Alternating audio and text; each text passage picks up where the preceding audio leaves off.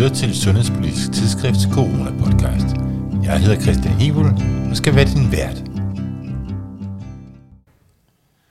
Jeg er i dag taget på besøg hos Christine Stabel Bind, og Christine er voldsomt spændende og har gang i noget af det mest interessante forskning for tiden, i specielt BCG-vacciner. Så det skal vi omkring. Men før det, så skal jeg lige sige, at jeg lige har taget min maske af. Det er en maske, jeg selv har syet, jeg har brugt Ingeniør Uden Grænser skabelon, og hvis man har et sygemaskinekørekort, så er det altså lige til at gå til. Hvis du har lyst til at prøve det, så er øh, både bomuld, silke og viskose gode materialer, og man kan faktisk lave en voldsom smart en, hvis man, hvis man vælger silke. Husk to lag, gerne tre. Det var lige en kort intro. Christine, vil du lige sige på om dig selv først? Jamen det vil jeg gerne, og jeg er super glad for din lille intro der omkring masker, fordi jeg har jo selv været med til at udvikle den her maske, som Ingeniør Uden Grænser har, har designet øh, i forbindelse med et andet studie, vi også laver lige nu, hvor vi prøver at se, om ansigtsmasker de virker mod corona i Guinea-Bissau. Men når jeg nu har sagt Guinea-Bissau, så kan jeg også forklare, hvem jeg er lidt mere, fordi jeg er læge af baggrund. Øh, men allerede i studietiden, så begyndte jeg at arbejde i Guinea-Bissau i Vestafrika med at studere øh, børneinterventioner, tiltag for at reducere børnedødeligheden. Og der kiggede jeg på vitamin A og på mæslingevaccine, og det blev til sådan et langt en lang dans med vacciner, som har stået på lige siden. Øh, så nu er jeg professor i global sundhed ved Syddansk Universitet, men jeg bruger meget af min tid øh, på forskning, som stadigvæk altså som foregår i Guinea-Bissau i Vestafrika, og med at undersøge den generelle sundhedseffekt af alle de her tiltag mod børnedødeligheden. Virker de ude i virkelighedens verden, sådan som vi tror, de skulle virke? Ja, og i den forbindelse, så har du været omkring BCG-vaccinen. BCG-vaccinen er, er den, vi kalder, kender som Calmette, altså vaccinen mod tuberkulose. Og øh, der har du fundet nogle spændende ting.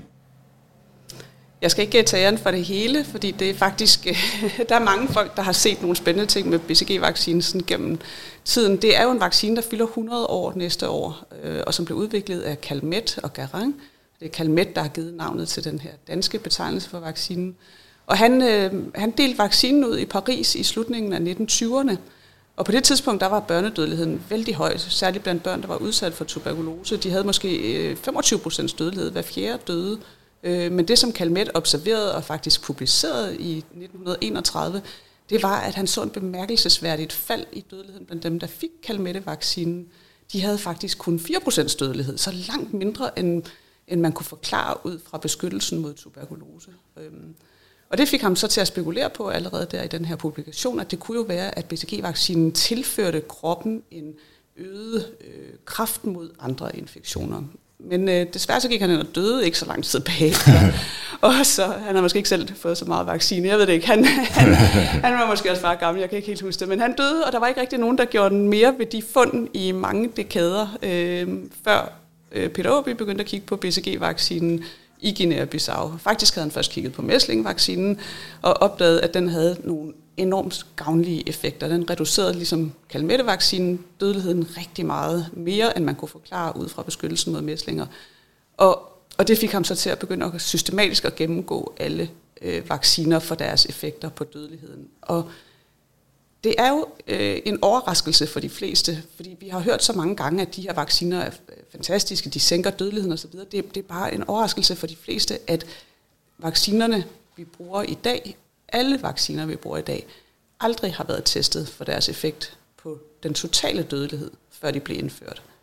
Fordi man har været så sikker på, at de er kun beskyttet mod vaccinesygdommen, så det har ikke virket nødvendigt. Så når man har skulle beregne eller angive, hvor meget en instruktion af mæslingevaccinen for eksempel, hvor meget den ville reducere dødeligheden, jamen så har man sagt, mæslinger er cirka 10% af alle dødsfald, og mæslingvaccinen er 9%, eller hvad hedder det, 90% øh, effektiv, så hvis vi indfører en mæslingvaccine, jamen så vil den reducere den totale dødelighed med 9%. Det har været den form for skrivebordsregning, man har brugt til at, mm.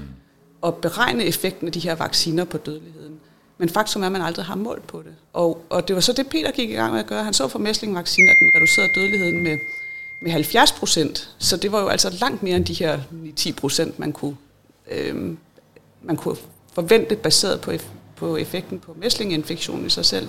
Øhm, og, og for BCG-vaccinen, da man så så på, og da han gik til, i gang med at kigge på, og det, det stødte jeg så til i 1993, øh, jamen der så vi så de samme øh, dramatiske effekter på dødeligheden, som slet ikke kunne forklares med beskyttelsen mod tuberkulose.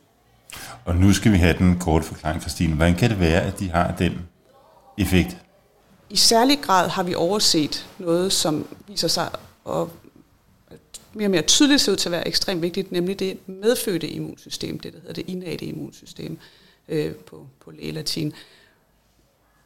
Ja, det innate immunsystem har man troet var et øhm, lidt dumt immunsystem, kan man sige. Det var noget, vi havde med. Det var sådan en first line of defense, når der kom et, et udefrakommende trussel, et, en sygdomsorganisme, og, øhm, og vi har ikke troet, at det lærte noget af det møde med den sygdomsorganisme. Det har været ligesom sådan en række fodsoldater, vi har stillet op foran den virkelige her, og de har sådan lige kunne afbøde det første slag, og, og har vundet lidt tid til hæren, der står om bagved det, det adaptive immunsystem, sådan så det kunne opruste og være klar til kampen mod sygdomsorganismen. Men vi har tænkt, at hver gang det skete, hver gang de mødte et nyt, en ny fjende, det her, øh, de her fodfolk her, jamen så er de blevet dræbt, og så har de ikke husket noget overhovedet fra det møde. Og det, som vi er blevet klar over, ikke mig personligt, men særlig grad drevet af professor Netea fra Holland, som vi arbejder meget sammen med, det er, at, at de her fodfolk, de rent faktisk har en hukommelse. De bliver klogere af at møde en udefrakommende trussel, så de er bedre rustet, når der kommer en ny trussel. Mm. Så man kan sige, at de er måske blevet udrustet med nogle lanser og nogle geværer og sådan noget, når de har mødt en, en modstander, som de har med i kampen mod den næste modstander. Og så, så det indadte immunforsvar, som vi ikke har tilskrevet nogen som helst rolle i det at have hukommelse, og dermed ikke nogen som helst rolle i forhold til vacciner, det viser sig at være trænbart. Mm. Det kan blive klogere og opruste. Og det, som vi så har kunne vise, og grund til, at vi kom i kontakt med det til et meget gyldent øjeblik i 2012, tror jeg det var, i foråret 2012, det var, han skrev til os, jeg har set jeres fund omkring BCG-vaccinen, og hvordan den reducerer børnedødeligheden helt uforklarligt meget i Guinea-Bissau. Jeg har taget BCG-vaccinen ind i laboratoriet, og jeg kan vise, at den kan træne det indadte immunforsvarsceller, så de bliver mere aktive. Og jeg kan vise, at de bliver mere aktive, ikke bare når de møder tuberkulosebakterien, som de ligesom er blevet trænet med, men de bliver også mere aktive, når de møder candida, svamp, når de møder øh, stafylokokker. Mm.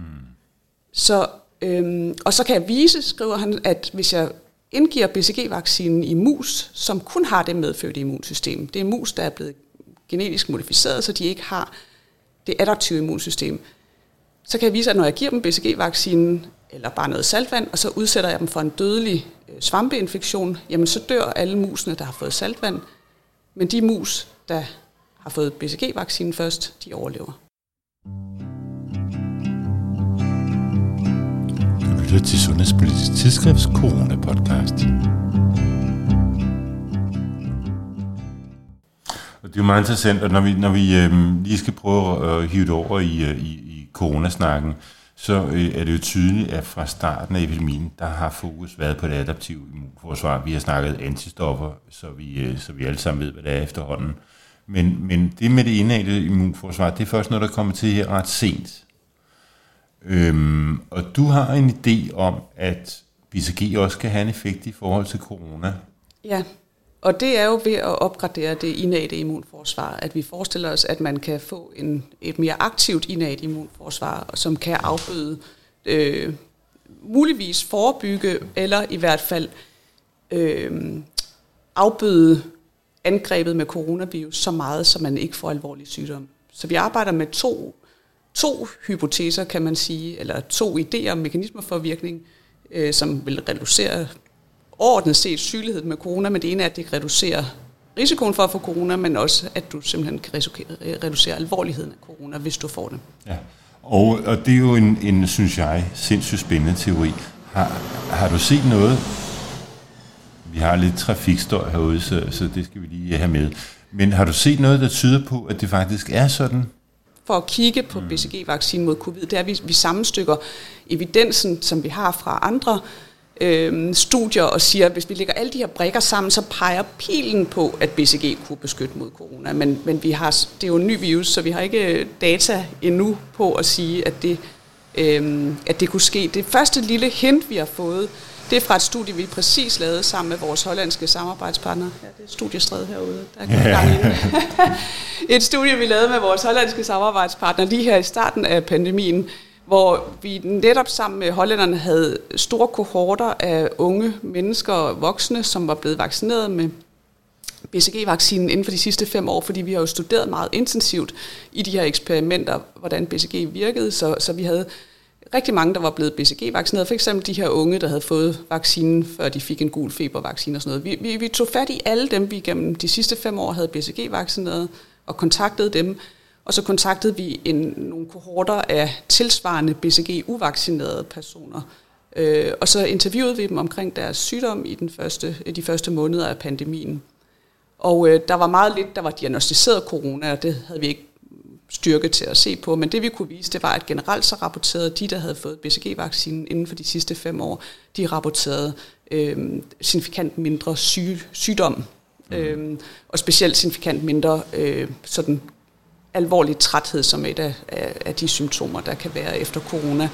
Så øh, det er et observationelt studie med alle de problemer med fortolkningen, der kan være der. Var de nu virkelig sammenlignelige osv.? Så, øh, så, så vi kan ikke sige, at det viser, at BCG-vaccinen kan beskytte mod corona på nogen måde, men vi kan sige, at det er i hvert fald meget beroligende for os og mange andre, der lige nu verden over tester BCG's effekter på corona, fordi vi er jo ikke de eneste. Der, der er mm. mindst 15 store kliniske studier i gang i verden.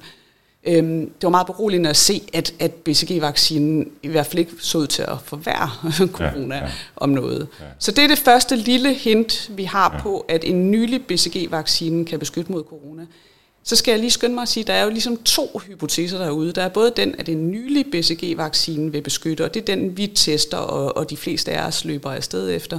Men der er også en anden hypotese, der, der er, er opstået samtidig med, og det er den her øh, første observation lavet af Miller lige i starten af pandemien, at de lande, hvor man har et BCG-børnevaccinationsprogram, de har en mindre øh, udtalt coronadødelighed. Og det er specielt i Østeuropa, at man stadigvæk har BCG-vaccination, ikke sandt? Jo, det, men altså de, de tog alle lande med i hele verden, og det var grunden til, at blandt andet jeg også var ude og kritisere de studier, fordi de øh, tog hele Afrika og Sydøstasien med, hvor, vi, hvor de bruger BCG-vaccinen mm. i børnevaccinationsprogrammet. Og øhm, og, og så, at der var mindre rapporteret coronadødelighed. Men problemet er lidt, at øhm, at i de lande, hvor man har et børnevaccinationsprogram, det er jo lande, hvor der også øh, stadigvæk er tuberkulose. Vi har jo stoppet med at bruge den i Danmark i 80'erne, fordi vi ikke havde ret meget tuberkulose længere. De lande, hvor man stadigvæk bruger den, er lande, hvor der også er tuberkulose. Og det er typisk lande, eller i hvert fald i en overvejende grad lande, hvor der også er ret dårlig øh, mulighed for testning og opsporing og for øh, dødelighedsregistrering. Mm. Så at sige, at Afrika har et børnevaccinationsprogram med BCG, men, og de også har lav coronadødelighed. Det, det var en meget hurtig konklusion, der var baseret på, for det første startede pandemien øh, meget senere i Afrika, og for det andet så øh, var der rigtig dårlig, og er der rigtig dårlig registrering af, hvor mange er reelt syge og smittet, og, og hvad er dødeligheden. Så, så du kan se, at hvis man at det skaber en falsk, øh, eller det kan i hvert fald have potentiale til at skabe en falsk sammenhæng mellem at have et børnevaccinationsprogram og have lav dødelighed. Ja. Det er ikke en reel sammenhæng, men den ser sådan ud, fordi vi ikke har målt nok på dødeligheden. Ja, det er jo, det er jo voldsomt kompliceret at kigge på, fordi der er så mange faktorer på spil. Hvis vi kigger sådan i et europæisk perspektiv, så, øhm, så har de fleste lande i Europa faktisk på et tidspunkt haft et BCG-program. Øh, der er nogle få undtagelser. Belgien og Holland har vi aldrig haft det. Og så har Spanien kun haft en ganske kort overrække. Ja. Og der er mange, der har haft sjov ud af at sammenligne Spanien og Portugal, som er to lande, der ligner hinanden ja. på alle mulige andre parametre. Ja. Og Spanien har været voldsomt hårdt ramt, og Portugal er sluppet meget noget igennem. Ja. Og det er, jeg vil øh, sige, at det, det er super interessante observationer. Man kan ikke bruge dem til at konkludere noget Nej. om BCG-børnevaccine eller ej. Og, og øh, der, ja, jeg vil sige, at juryen er stadigvæk ude. Øh, der er også øh, studier, som netop du siger, vi, vi stoppet med at bruge det i rigtig mange europæiske lande der i 80'erne. Der er for eksempel i Tyskland har jeg set et studie, de har, ja, det er, det er sådan noget, hvor jeg siger her. I Sverige har de lavet et studie, hvor de har sammenlignet kohorter, der har fået og ikke har fået BCG-vaccinen, sådan i det her naturlige eksperiment, som vi kalder det, der sker, ja. når man stopper med at bruge BCG-vaccine. Og de finder ikke nogen beskyttende effekt af børnevaccination med BCG mod corona i, i sådan et naturligt eksperiment, som er et et, et studie, hvor man har personer med, og ikke bare sådan globalt ja. ser på, øh, hvordan associationen er. Øh, Israel har lavet et tilsvarende studie, fordi de stoppede også med BCG-vacciner og kunne gøre det samme.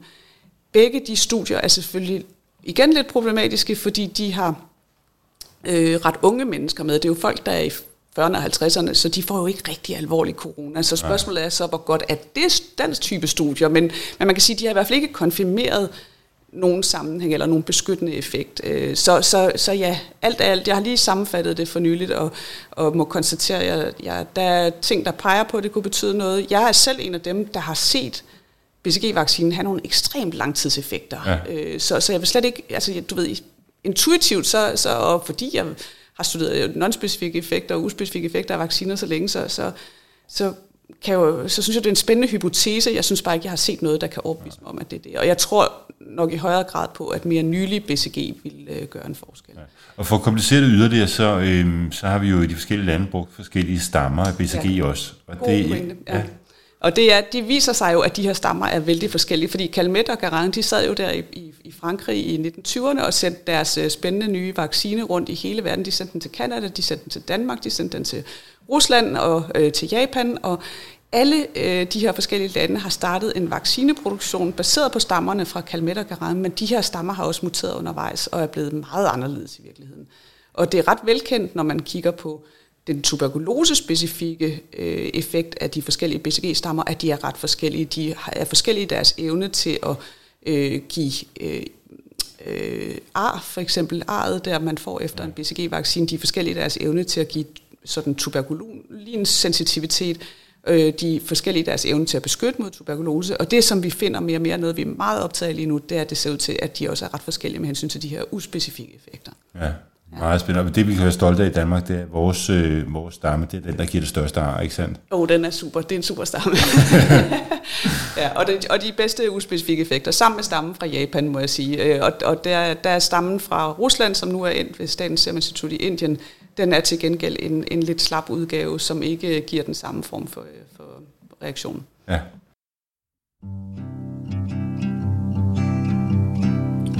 Lytter til Sundhedspolitisk Tidsskrifts Corona-podcast. Jeg kunne godt tænke mig at spørge, fordi nu snakker vi om, øh, om, om, om det her innate immunforsvar.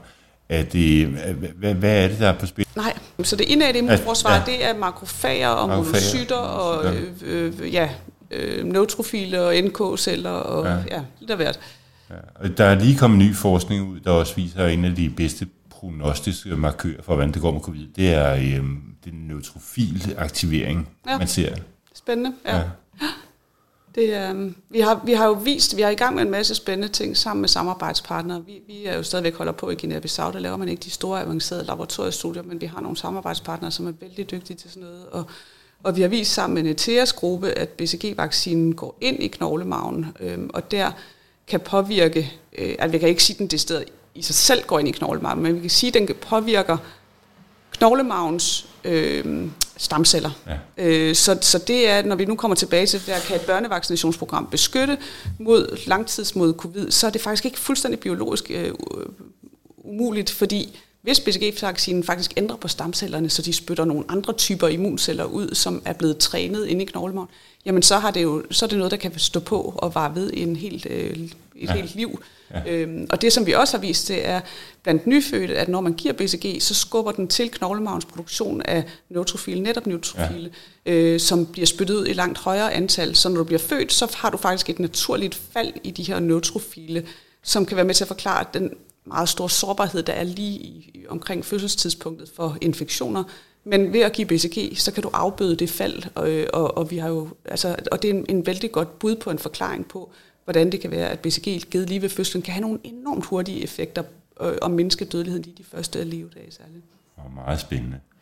Og, øhm, og, og, og du er jo du er med i flere forsøg, der kører nu med BCG-vaccinen. Der har lige været en runde, hvor øh, hospitalspersonale i Region Hovedstaden har fået tilbudt vaccinen. Det er faktisk hospitalspersonale i hele landet, Er det hele landet? stadigvæk. Ej, Ja. jeg vil sige, altså, vi dækker geografisk hele landet. Vi er på ni hospitaler ja. øh, rundt omkring i Danmark, og det er vi stadigvæk. Så her er lige en lille øh, opfordring til sundhedspersonale, at øh, hvis, øh, hvis I er interesseret i at deltage i det her studie, så er vi på ni hospitaler rundt omkring i, i Danmark, og vi indrullerer stadigvæk. Øh, vi satser på at komme op på 1.500 sundhedspersonale i alt inkluderet. Og, øh, ja.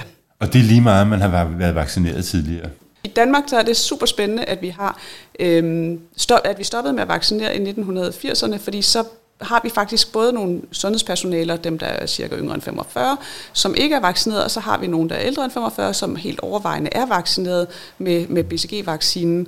Og vi er så nysgerrige efter at se, om BCG har den samme effekt, afhængig af, om det er den første BCG, man får, eller den anden. Fordi vi har faktisk mange indikationer på, og det gælder alle de levende vacciner, vi har studeret, ligesom BCG, det er også mæslingvaccinen, det er koppevaccinen, og det er den orale sukkerknalds-poliovaccine, at for alle de her levende vacciner, jo flere doser du får, jo bedre går det faktisk. Så vi tror, der er, og har fremsat hypotesen, at der er sådan en boosting-effekt. Jo flere, jo bedre. Og på den måde, så vil vi faktisk øh, sige, at det er slet ikke nogen hemsko, at man har fået BCG-vaccinen for at være med i det her studie. Tværtimod, så kan det være, at det er i den gruppe. Det vil være, hvad vores data siger os, der vil have den største effekt af at få en ny vaccine. Ja. Og, øh, og det, er jo- det, er jo, det er jo meget interessant. Så Christine, hvad, hvad, hvad, hvad, hvad, hvad skal der ske med BCG-vaccinen i Danmark, når I nu får jeres resultater?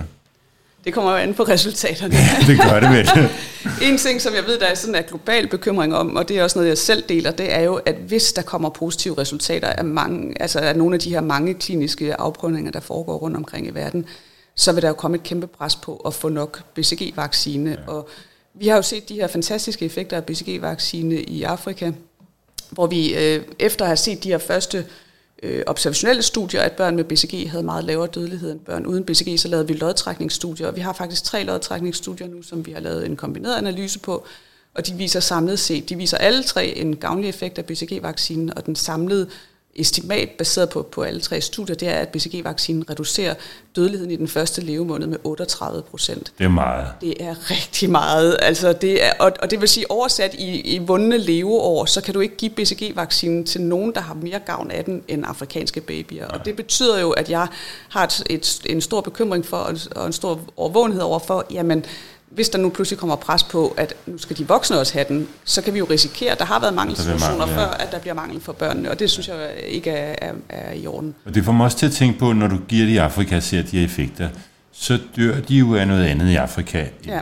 i Danmark. Ja. Så kan vi overføre det? De dør af infektionssygdomme, og det er jo der, vi, vi tror, at BCG-vaccinen har en effekt. Vi tror ikke, den har nogen effekt på, om man dør af, af altså for babyernes vedkommende, om man dør af fødselsskader eller iltmanglen ved fødslen osv. Det er jo infektionssygdommene, ja. og særligt altså luftvejsinfektionerne, hvor vi har set nogle effekter. Øhm, det er jo andre infektionssygdomme til en vis grad, man har i Afrika, men vi er jo en, lever en global verden. Det er jo ikke sådan, at vi har et helt separat sæt øh, i Afrika, og vi har i Danmark for eksempel. Men øhm, øhm, jeg tror sådan set på, at BCG-vaccinen også kunne have en beskyttende effekt, eller jeg skal sige, det er jo det, jeg tester nu her, at den BCG-vaccine kunne have en beskyttende effekt i, i Danmark også. Øhm, var det Ja. det, du spurgte om? Jamen det, det Ja. var det også fordi, altså som sagt, og nu står vi jo i en, en, en situation, hvor vi står over for en helt ny sygdom, vi ikke kender, og det er jo selvfølgelig vær, øh, svært at regne sådan nogle sygdomme, for der kommer også andre senere hen. Ja, altså det- vi, vores håb er jo lidt, at, at det her er så uspecifikt, så det kan bruges, så BCG kan bruges imod alle mulige former for nye øh, pandemiske trusler, for så vil vi jo have et værktøj nede i værktøjskassen, vi bare kunne tage frem, hver gang der kom en ny en, og, og den er jo ikke, det er meget vigtigt for mig at sige, jeg tror ikke, at BCG på nogen måde er specifik øh, nok til, at den vil kunne forebygge corona 100 procent.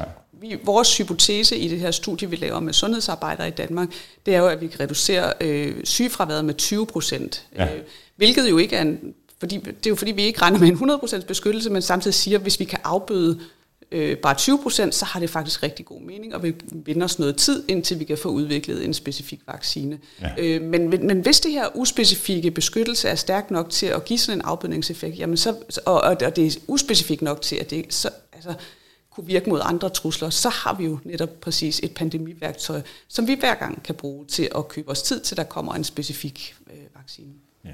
Noget af det, du også lige har været inde på, det er, at de effekter, vi ser med BCG, det er faktisk noget, der er generelt for, når vi giver vacciner baseret på levende øh, vaccinationer. Ja, det mønster, vi har set i Afrika, nu har vi undersøgt 10 vacciner. Øh, fire af de levende, svækkede vacciner, som indeholder sygdomsorganismen øh, i en levende form, hvor den kan dele sig inde i kroppen, mm. øh, og stadigvæk lave sådan en mild mini-infektion. Øh, ja, vi har undersøgt fire af de her levende vacciner, som kan gøre det, og så har vi undersøgt seks ikke-levende vacciner, som indeholder sygdomsorganismen i en dræbt udgave, eller inaktiveret udgave, eller dele af sygdomsorganismen, eller dele af dens produkter. Altså der er en lang række, ja, i princippet kan vi sige bare sygdomsorganismen i en eller anden version, hvor det er noget dræbt noget, man putter ind i immunsystemet.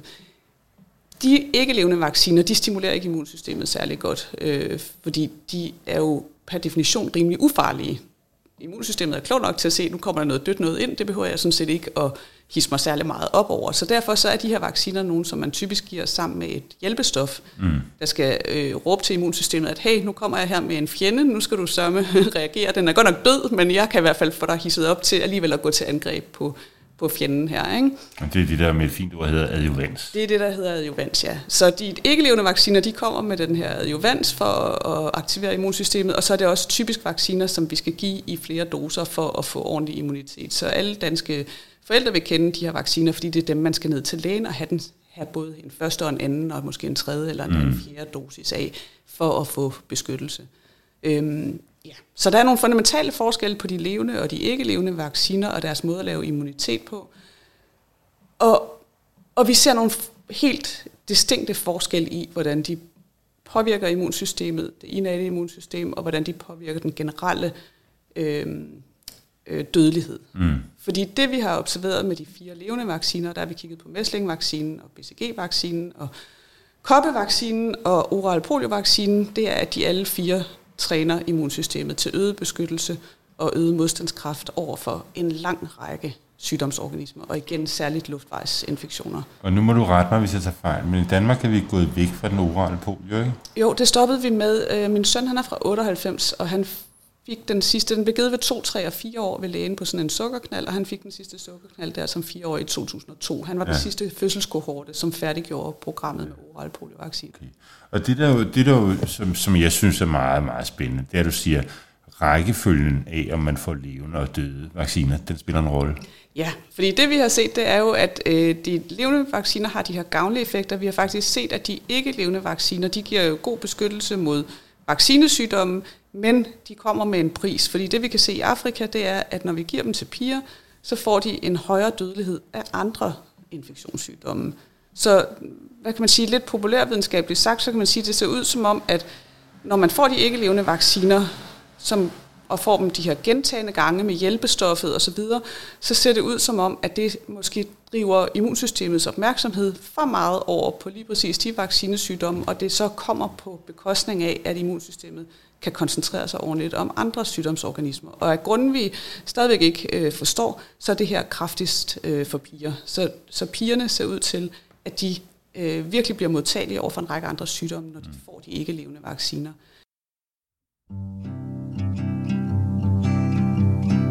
Du lytter til Sundhedspolitisk Tidsskrifts Corona-podcast. Det der så, det, det er jo en, en, en, en meget problematisk observation.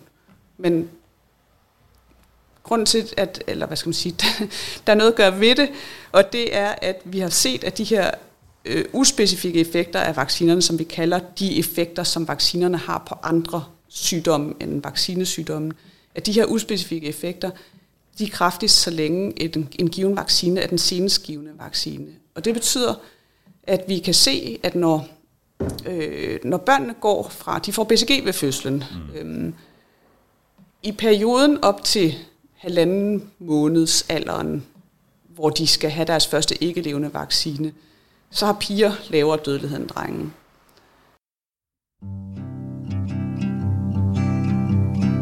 Du lytter til Sundhedspolitisk Tidsskrifts Corona-podcast.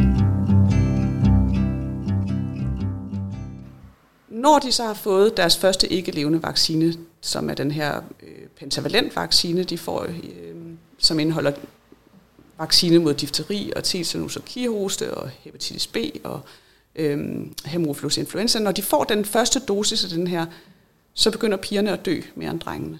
Og de dør meget mere end drengene, så længe den her vaccine er den sidste vaccine, de har fået. Den får de i Afrika ved 6 uger, ved 10 uger og ved 14 uger.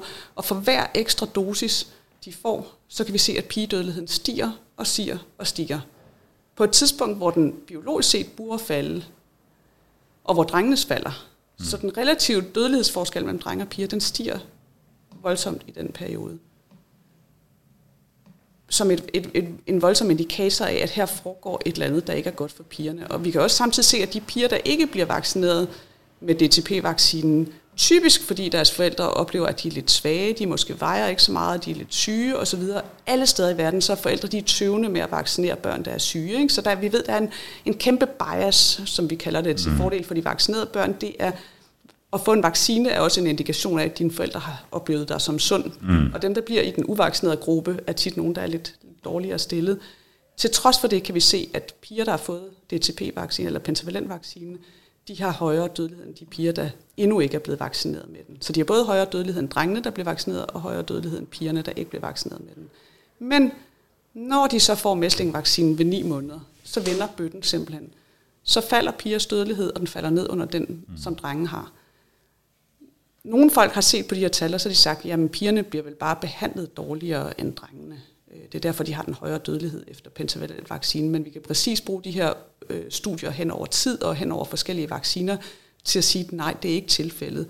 Øh, og det ved vi jo at også ved selvsyn. Afrikanske mødre øh, har ikke særlig sexpræferentiel behandling. Øh, men, men selv hvis de havde, ville det være meget underligt, hvis det var limiteret til tidsvinduet mellem 6 uger og 9 måneder, og så, så vente det bagefter. Ikke? Så, så vi er ret sikre på, på, af mange grunde, som det tager for lang tid at komme ind på her, at det her det er en reel effekt at, at DTP-vaccinen versus mæslingvaccinen til, hos, hos piger. Men, men samtidig også det her gavnlige, eller gode budskab, at ja, det ser ud til at komme med en pris og få den pentavalente vaccine, men hvis man giver en levende vaccine som mæslingvaccinen efterfølgende, så øh, kan man så at sige gentræne det innate immunsystem. Øhm, og, og alt det her har været svært for os at forstå, før studierne i det innate immunsystems træningsbarhed, den her igen tilbage til fodsoldaterne, før de studier startede.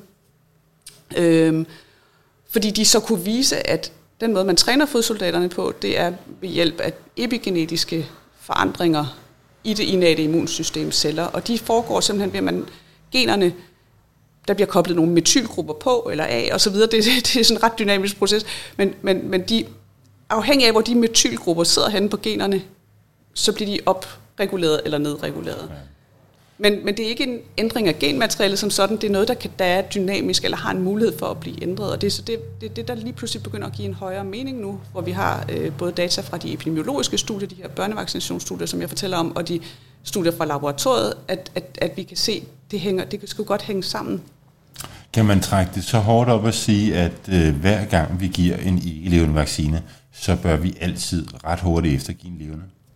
Børnelæge, som har siddet og regnet på de tal og sagt, hvis vi omlægger børnevaccinationsprogrammet globalt til, at vi giver levende vacciner øh, en måned efter, at vi har givet en ikke-levende vaccine.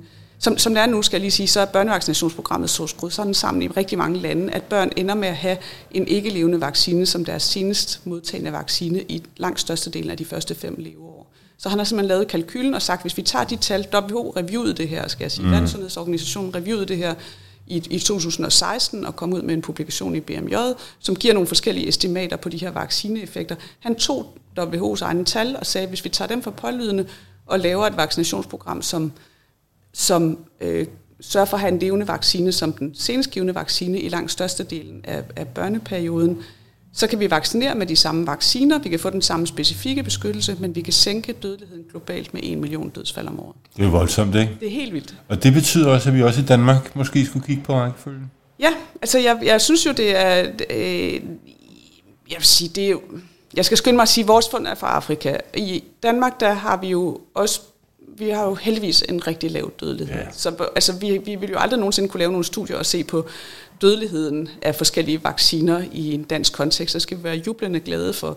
Men vi har faktisk kigget på infektionsindlæggelser øh, som en eller anden indikation for at få alvorlig sygdom.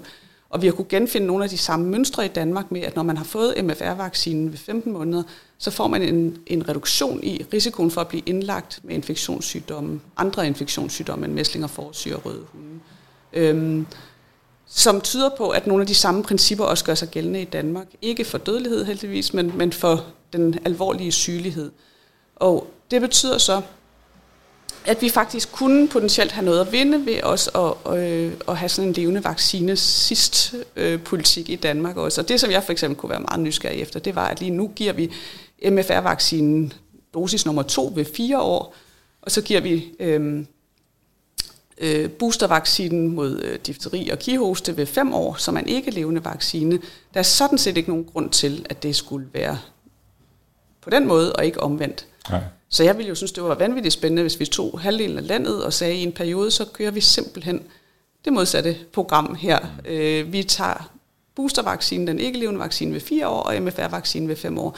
Det vil give os mulighed for på, på, på, på dansk niveau at vurdere, om der var mere overall generelt sundhedsgevinst ved at slutte af med at have MFR-vaccinen fra det femte år og op efter, end ved at have den ikke levende vaccine. Og samtidig vil det mellem 4 og 5 år også give os en mulighed for at vurdere forskellen på de to vacciners effekt på den generelle sundhed. Er der lydhørhed over for sådan nogle synspunkter? Ja, det tror jeg ikke. Det tror jeg ikke. det tror jeg.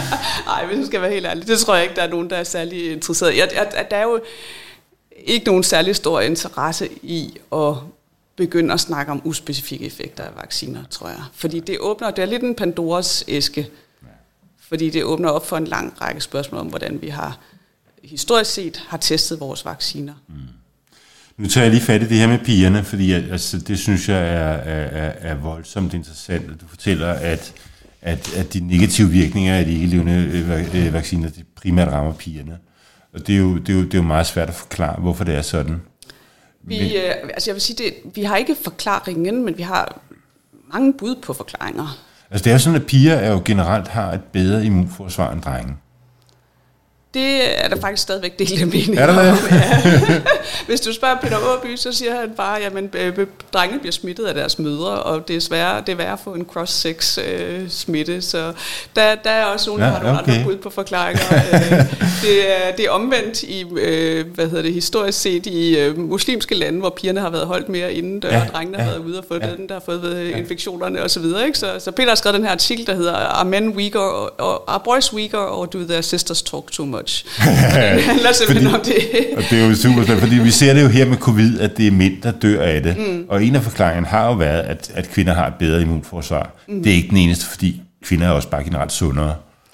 Øhm, så, så der er mange ting i spil, men, ja. men meget interessant. Men det, det, jeg ville frem til i virkeligheden, det var for, for at dreje lidt rundt. Så, så kan vi sige, at herhjemme kender vi det fra, fra HPV-vaccinen, hvor vi hørte nogle historier i pressen om, at der var nogle piger, der havde problemer med bivirkninger. Og, øhm, og det, det, jeg kunne tænke mig, og det, det er vi hen imod slutningen nu, men at vi lige kommer omkring også, det er det, er det her med anti -vaxxers. Fordi at øhm, sagen er, at med de forskningsresultater, du har lavet, der bliver du tit beskyldt for at være sådan en, der kører anti sag. Jeg er blevet kaldt lidt af hvert. Ja. ja, jeg er blevet beskyldt for, at når jeg lægger de her ting frem, så kan jeg give ammunition til antivaxxers. Det er helt sikkert. Øh, jeg skal du skynde mig at sige, at jeg er også øh, blevet beskyldt øh, for ret mange forskellige ting af antivaxxers, og blandt andet er blevet kaldt en pharma bitch, så jeg har oplevet kritik fra alle sider. Jeg har faktisk lavet en, en TEDx-talk, hvor jeg prøver at forklare om vores fund, men også om den vanskelighed, jeg oplever med at kommunikere dem, fordi der står to meget ekstreme fløje i den her debat, øh, som, som lige lidt har lyst til forskellige dele af de her budskaber. Så der er en, en fløj af antivaxxers, som kalder mig pharmabitch, når jeg siger, at vacciner, levende vacciner kan have fantastisk gavnlige effekter, og, og, og også kan fremlægge dokumentation, der viser, at de har været øh, drivkraften for det fald i børnedødelighed, der har været i Afrika. Øh, det har særligt været kampagnerne med mæslingvacciner og ja. oral poliovaccine, som har været helt afgørende. Øhm, men, men omvendt så kan man sige, når jeg så snakker om negative effekter af ikke-levende vacciner, ja, så er det, jeg bliver skudt i skoene, at nu er jeg i gang med at underminere tilliden til vaccinationssystemet øhm, fra, fra den anden fløj i debatten. Ja. Så, så det er, det er øretævens holdeplads. ja. Og det er jo øh, det, det, vi snakker meget om, det øh, med en mulig kommende coronavaccine. Hvor stor en rolle vil det her med anti spille? Har du nogen bud på det? Jeg prøver faktisk lige nu at skrive på en artikel, hvor jeg gerne vil nuancere diskussionen lidt. Jeg tror, der er to ekstreme fløje i vaccinedebatten, som har fået lov til at kubbe diskussionen fuldstændig, og det er super ærgerligt. Og det ene, den ene fløj, det er antivaxerne, dem, dem kender vi alle sammen, men der er faktisk en gruppe, en lige så ekstrem gruppe af Provax i, i min øh, optik, som har taget det her med vacciner til sig som en religion, som de missionerer ja. ved. Øh, og øh, og, og den, de har fået lov til at råbe højt, og de har fået lov til at dominere debatten, og det der, i den, dem, der er taberne i den henseende, det er de to ret store grupper, øh, som ligger i midten. Øh, og dem møder jeg allerflest af. Det er jo dem, der er interesseret i en videnskabelig debat om vacciner. Det er dem, der er vaccinepositive på den ene side set, som mener, at vacciner har været øh, et vidunderligt mål til, eller middel til at, at reducere dødelighed og sygelighed globalt, og er, er, er voldsomt positive for vacciner, men samtidig selvfølgelig øh, har en anerkendelse af, at vacciner ikke er uden problemer, at der kan være bivirkninger, at, øh, at man må se på den øh, evidens, der er for vacciner, og forholde sig kritisk til den hele tiden, og også være parat til at tage nye fund ind. Øhm, det er en ret stor gruppe, som indeholder langt de fleste fagprofessionelle, øh, sundhedsprofessionelle efter min mening. Øhm, og så er der en, en ret stor gruppe også af folk, som er vaccinetøvere. Og øh, den indeholder øh, øh, folk, som for eksempel, en stor del af dem er tidligere vaccinepositive, som har oplevet øh, enten selv, eller at deres barn, eller nogen i omgangskredsen har fået en skade efter vacciner og som er blevet bekymrede mm. og udtrykker den bekymring. Ikke på en, det er også Bill Gates skyld alle sammen, alle sammen måde, men, men siger, vi, vi er bekymrede over, at sikkerheden nu god nok ved de her vacciner, og mm. øh, de... Øh, de er også bekymrede over, om testningen nu er god nok, om vi får kigget på nok, når vi tester vacciner osv. De tager udgangspunkt i den videnskabelige litteratur og tager den tit med op, når de kommer op til det til lægen og siger, se her, jeg har de her artikler, jeg har læst, øh, det kan godt gøre mig lidt bekymret osv. Og, og de, øh, de er sådan set åbne for at diskutere. Og, og jeg tror, når vi nu ser, at der i USA nu hedder, hedder sig, at 50 procent af 20 år for at få en øh, coronavaccine, ikke så høje tal her i Danmark, men når vi ser så, så store tal fra USA, så er de jo ikke alle sammen antivax. Så tror jeg, vi overser, at rigtig mange af dem, øh, og tror jeg langt hovedparten af dem, baseret på min erfaring, det er faktisk vaccinetøvere. De er videnskabeligt funderet, når de udtrykker bekymring. Ja. Og lige med hensyn til coronavaccinen, så må jeg jo sige, så er jeg selv en vaccinetøver. Jeg, ja, ja. jeg er ikke... Øh, jeg, jeg, jeg er øh, på den fløj, som er meget skeptisk over for, om det her nu bliver godt. Og hvad er det, du er bekymret for? Jeg er bekymret over, at vi har en vaccine, vi driver frem med så stor en hastighed. Øh, den, den tidligere vaccine, der er gået allerstærkest er efter sine røde hundevaccinen, som man var fire år om at producere. Her snakker vi om et, et virus, som mm, altså, øh, som, som kan, vi ikke rigtig ved noget om, og som kan være, vise sig at være rigtig svært at udvikle en vaccine imod. Og, og, og der er sådan et politisk pres på at få den ud over rampen, så, så selv meget seriøse fagfolk har udtalt, at de synes, det er i orden, at i den her nødstilfælde, så kan vi springe over fase 3-studierne, eller vi kan i hvert fald tillade, at der ikke er transparens omkring, øh, hvordan det hele bliver gjort osv. Og fase 3-studierne, det er de store øh, forsøg med vaccinen, hvor man tester mod placebo med, med, med en stor gruppe mennesker, ikke? Hvis man så bare testede mod placebo, men en stor del af problemet med fase 3-forsøgene, som jeg også ser det, det er, at man bruger en kontrolvaccine. Det er jo ikke ja. et placebo. Et placebo er et inaktivt stof. Øh, en kontrolvaccine til kontrolarmen, det er et aktivt stof. Mm. Og det betyder, at du sammenligner ikke vaccinen mod ingenting, du sammenligner vaccinen mod noget andet, som i princippet i sig selv kan have masser af bivirkninger. Så, øhm, så på den måde, så er jeg, øh, jeg er på ingen måde tryg ved de fase 3-forsøg. Lytter til Sundhedspolitisk Tidsskrifts Corona-podcast. Der er mange forskellige platforme. Der er også mRNA-vacciner, der er DNA-vacciner ja. osv., men den vi snakker om at købe, eller har købt ind på i Danmark, den her AstraZeneca-vaccine, den er bygget på en, på en adeno-vektor. Ja. Og så vil man teste mod ren adenovektor? Nej, det man tester imod i det AstraZeneca-forsøg i Oxford, det er mod en meningitis-vaccine. Nå, mod en helt anden? Ja. Det er jo også et mærkeligt valg, kan man sige. Ja, Ja. Det er det. Ja. Og der, altså man kan sige, nu har det jo lige været øh, fremme, at den her studie har været stoppet på grund af en mistænkt øh, seriøs, alvorlig øh, bivirkning ja. til, øh, til vaccinen. Men jeg synes, det, det forklarer hele problemet med en kontrolvaccine, at de så også samtidig skriver, at det kan være en bivirkning til, øh, altså at, at andre bivirkninger er blevet meldt ind i den samme proces til kontrolarmen til den ja. her meningitis-vaccine. Ikke? Ja. Fordi det, det giver jo sig selv, at, at så kan vi ikke vurdere effekten af den nye vaccine, hvis ja. den anden vaccine også kan have bivirkninger. Ja. Er der særlige sikkerhedsproblemer omkring coronavaccinen for dig at se? Vi har bygget systemet op, øh, så vi har fase 3-studierne, som ligger før vaccinen bliver frigivet, og så har vi så den her postmarketing-monitorering ja. øh, af vacciner. Og med, man kan sige, at det system er simpelthen desværre blevet overhalet af virkeligheden. Fordi med alt, hvad vi ved om uspecifikke effekter i dag, så er det simpelthen ikke godt nok. Det kigger kun på en meget lille del af de forventede effekter af vacciner. Ja. Så hverken fase 3 eller fase 4 ser på risikoen for andre infektioner. Så, så det, grundlæggende, så har jeg et problem med, hvordan vi gør det i dag, baseret på, hvad vi ved om vacciner og deres effekter på immunsystemet. Ja. Men, men jeg har også nogle helt specifikke problemer med, med, hvordan vi gør fase 3, og det er relateret til, eller der er nogle mangler ved fase 3-studiet, der er relateret til det her med, at man bruger ofte en kontrolvaccine. Og så har man, øh,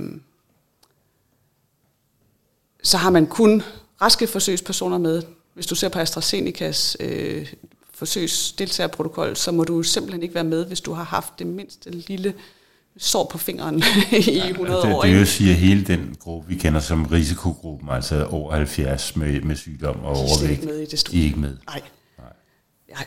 Så, så det er et andet problem med, med fase 3-studierne. Og så er der et tredje problem, som for eksempel var fremme i forbindelse med HPV-problematikken øh, der, at øh, i HPV-studierne, fase 3-studierne, der registrerede de jo kun bivirkninger i de første 14 dage, og ja. de registrerede kun det, de vurderede som plausible bivirkninger. Ja. Og det betyder, at der står et menneske, som måske endda har en økonomisk interesse i vaccinen, eller i et bestemt resultat, og skal vurdere, om det, du nu oplever inden for de første 14 dage, kunne skyldes vaccinen eller noget andet. Og det der plausibilitetskriterie, det er jeg simpelthen så pas med. Ja. Og det er fordi, vi er ikke særlig gode til at forudsige, hvad der er plausibelt. Og jeg kan give et meget godt eksempel, da vi i 2011 publicerede den første artikel, hvor, øh, hvor vi har lavet det her lodtrækningsstudie med BCG-vaccinen øh, til, til nyfødte børn i Guinea-Bissau, og vi finder, at den reducerer dødeligheden med, med næsten 40 procent.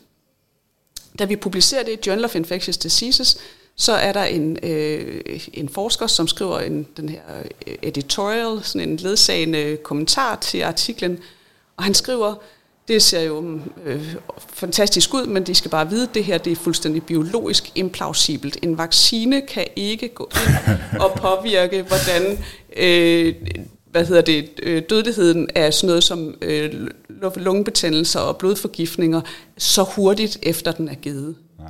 Det her, det tager, altså vi viser jo effekter inden for de første tre dage og op til den første måned efter. Han sagde, at det her det er implausibelt. I 2012 skriver han det, og vi er, nej, 2011, ni år senere der, hvor vi er nu, der, er vi, der har vi allerede to helt biologiske plausible mekanismer for, hvordan det kan foregå. Vi har det her innate immuntræning, og vi har det her, jeg fortalte om, at, at øh, BCG kan påvirke knoglemagen til at udløse flere neutrofile i babyerne. Så vi har to helt dokumenterede forklaringer på det. Så det at forestille sig, at vi skal kunne vurdere, hvad der er plausibelt, med nogen som helst legitimitet, det er simpelthen noget vås. Det kan vi ikke. Vi, kan ikke øh, vi, vi, er, vi, er, vi bliver nødt til at være ydmyge. Det her immunsystem er super komplekst. Og forestille sig, at vi kan sidde og vurdere, hvad det kan finde på og ikke finde på, det er simpelthen hårdmod.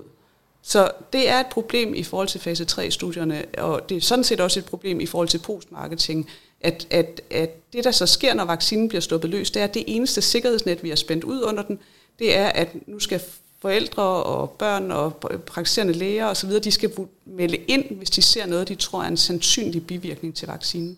Men når du har en ny vaccine, hvordan skal du så vide, hvad der er en sandsynlig bivirkning? Og igen, vi overhældet af virkeligheden, for med alt, hvad vi ved om vacciner, så, øhm, så er alt i virkeligheden muligt. Og jeg er ked af at sige det, for det gør tilværelsen meget mere kompliceret for, for at lave nye vacciner. Men når de kan påvirke immunsystemet så bredt, så kan de ikke bare påvirke risikoen for infektionssygdomme, så kan de også påvirke risikoen for cancer, for øh, autoimmunsygdomme, for allergiske sygdomme. Så er der sådan set ikke nogen grænser for, hvad vi bliver nødt til at måle på som mulige bivirkninger. Så kære lytter, vi er helt på forkant med forskningen her, kan I høre. Til sidst, Christine, bare et enkelt spørgsmål. Hvornår har vi en vaccine? Hvor mange skal have den? Og vil de det? Tænker du på her i Danmark? Hvornår ja, lad os tage Danmark. Ja. Jeg vil sige, at når den kommer, så øh, ved vi ved jo ikke noget om vaccinen, og derfor så er det blevet, jeg har været lidt ude at sige, at det bliver jo taget som en, øh, hvad skal man sige, ja, Øhm, folk tager det ligesom for givet, at hvis der kommer de her første 2,4 millioner doser, som vi har købt, jamen så svarer det til 2,4 millioner beskyttede danskere. Og den, der har været en lang diskussion om, hvordan skulle de så, hvem skulle være beskyttet eller ej. Og, og der må jeg bare sige, at med, med alt hvad vi ved, så kan vi ikke sige, at 2,4 millioner doser er lige med 2,4 millioner beskyttede danskere, fordi det kan sagtens være, at, at de her vacciner skal gives i flere gange for at give immunitet. Øh, så for eksempel skal man have to doser af den her vaccine, jamen så er vi allerede nede på, at det kun er 1,2 millioner beskyttede danskere med 2,4 doser. Det kan også godt være, at man skal have øh, en ny dosis hver eneste år osv. Så, så, så der er ikke, vi ved heller ikke om, hvor lang tid immuniteten bare, om den kan bruges med den samme vaccine, eller der skal en ny vaccine til. Så det er en meget hypotetisk diskussion, hvordan vaccinerne skal fordeles. Men det, som jeg i hvert fald er fortaler for, det er, at vi starter med at give dem til de folk, der har mest at vinde øh, og som er mest udsatte for alvorlig corona. Så det vil sige, at vi starter med at give dem til folk, der er over 80, og vi starter med at give dem til folk, der er måske over 50 og har øh, andre sygdomme, kroniske sygdomme. Øhm, og så vil jeg jo være fortaler for, at vi gør det på en lodtrækningsbaseret måde, som giver os mulighed for at evaluere, hvad er effekten af den vaccine på den generelle sundhed. Og regnestykket skal jo meget gerne se sådan ud, at man generelt får en bedre overlevelseschance af at få den her vaccine, end hvis man ikke fik den. Det handler ikke om corona i sig selv, det handler om ens generelle helbred. Og det er en fin opsummering af, hvad vi har snakket om. Christine, tusind tak, fordi du havde lyst til at være med. Det var fantastisk spændende. Selv tak.